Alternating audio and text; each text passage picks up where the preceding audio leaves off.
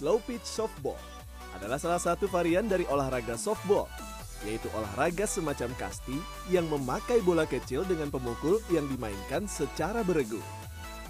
Namun berbeda dengan baseball, olahraga softball menggunakan bola yang lebih besar, yakni memiliki ukuran keliling sekitar 12 inci.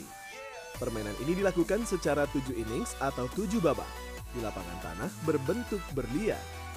Sementara itu slow pitch softball merupakan tipe permainan softball yang memberikan kemudahan bagi batter atau pemukul. Batter diberikan bola terus-menerus sampai bisa memukul bolanya. Untuk pitcher atau pelempar, biasanya akan melakukan lemparan bola secara melambung dan pelan, berbeda dengan baseball yang tipe lemparan lurus dan kencang. Selain itu, jika baseball hanya bisa dimainkan oleh pemain putra, Softball dan variannya seperti slow pitch softball kadang dimainkan pemain putri. Up. Oke, satu lagi. Oke, Oke. nice. Ya, Mas Oso, ini Ya. bisa jelaskan nggak sebetulnya ini olahraga slow pitch ya? Hmm, Sebetulnya bagian dari softball juga kan? yes, Hmm. betul. Nah ini sebetulnya kalau misal bedanya dengan baseball itu apa sih Mas? Oke, jadi beda ini kalau slow pitch nih sebenarnya tuh olahraga ini tujuannya tuh sebenarnya untuk yang baseball, Hmm. yang atlet baseball dulu, atlet softball dulu, udah pensiun, Hmm. terus kayak nggak tahu mau ngapain, muncullah si olahraga slow pitch ini. Jadi kayak ini emang ditujuin ke buat yang kayak yang udah emang mungkin yang nggak main Hmm. olahraga baseball softball banget, Hmm. atau yang udah yang pensiun aja. Tapi bedanya sih paling cuma di sisi permainannya, Hmm. permainannya lebih santai. Hmm. dan nggak intens kayak kalau Hmm. baseball softball intens kan kalau Yeah. ini mainnya lebih kayak santai have fun emang tujuannya buat rekreasi sih Yeah. kalau olahraga ini Kalau aturan permainan sendiri seperti apa Mas?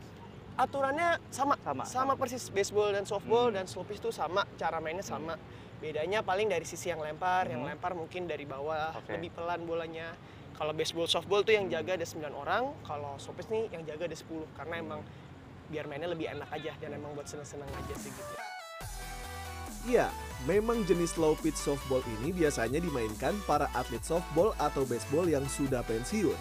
Atau bagi para pemula yang ingin belajar softball atau baseball. Sejatinya tipe ini biasanya dimainkan hanya sekedar bersenang-senang atau sebagai sarana pelepas penat. Para pemain pun tak harus dituntut untuk bermain dengan teknik sempurna. Hal inilah yang tampak pada salah satu klub olahraga slow pitch softball Jakarta Animals yang mayoritas berisikan mantan atlet softball atau baseball yang ingin bersenang-senang atau melepas rindu untuk bermain. Kalau saya dulu mainnya softball, jadi mungkin nggak terlalu begitu beda jauh ya dari kalau slow pitch karena bolanya juga pakai bola softball dan em, nggak begitu beda jauh lah mungkin ya. Kalau slow pitch udah sekitar setahun setengah lah semenjak pandemi ini ter- terutama baru mulai main lagi. Eh, baseball, softball udah main pertama kali itu udah dari sekitar saya pun sampai lupa 2000 atau 2001 gitu ya. Jadi memang udah lama banget. Kalau slow pitch tuh lemparnya dia kayak lambung gitu. Jadi karena lambung itu kita pun untuk mukulnya nggak perlu mikir cepet, jadi lebih santai. Jadi makanya eh, biasanya kan kalau baseball sama, sama softball itu kan pakai celana panjang bener-bener rapi. Tapi sini kayak kita santai aja, celana pendek, mainnya ketawa-tawa gitu.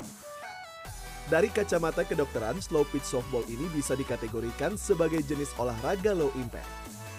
Olahraga ini hanya berdampak ringan pada persendian sehingga minim terjadi resiko cedera. Mungkin ini sedikit eh, ilmiah ya. Jadi sebenarnya yang eh, diincar itu adalah efek EPOC itu.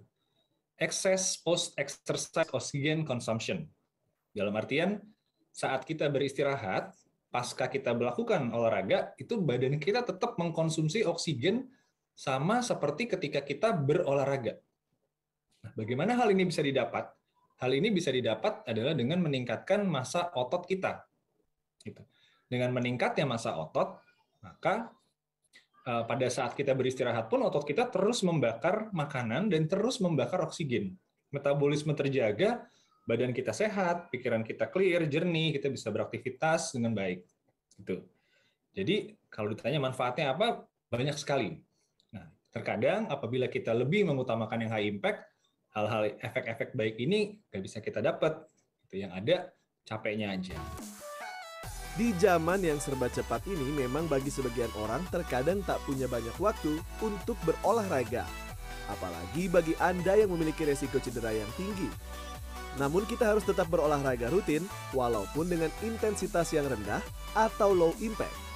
untuk tetap menjaga kebugaran tubuh serta untuk menghindari stres. Adi Dwinanda, Kurnia Yuniarwan, Jakarta.